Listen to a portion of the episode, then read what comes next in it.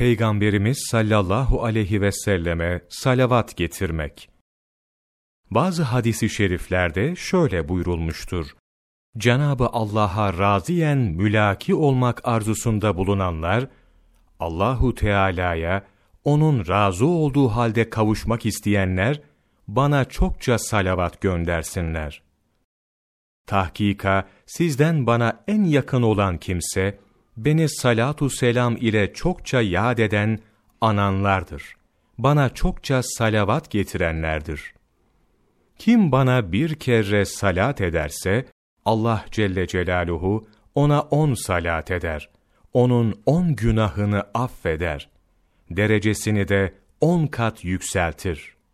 Buhari Hakikat, Allahu Teala'nın yeryüzünde seyahat eden öyle melekleri vardır ki, onlar ümmetimden bana olan selamı ulaştırırlar.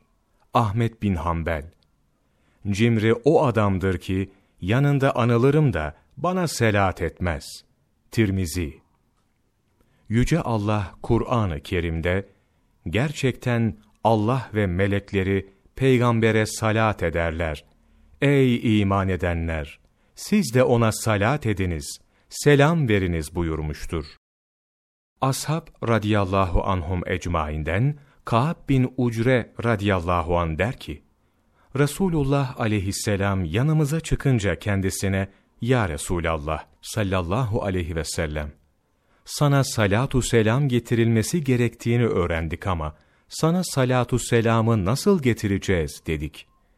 Resulullah sallallahu aleyhi ve sellem, Allahümme salli ala Muhammedin ve ala ali Muhammedin kema salleyte ala İbrahim ve ala alihi İbrahim inneke hamidun mecid.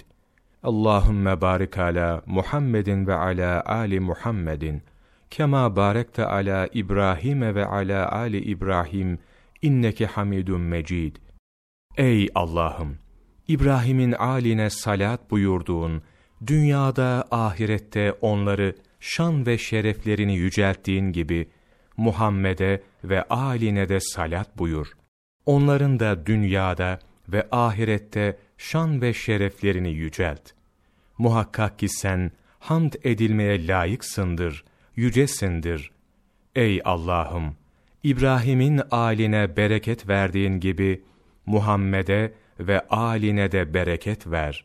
Muhakkak ki sen hamd edilmeye layıksındır, yücesindir deyiniz buyurdu. Asım Köksal, İslam Tarihi, Cilt 11, sayfa 116-117, 2 Ocak Mevlana takvimi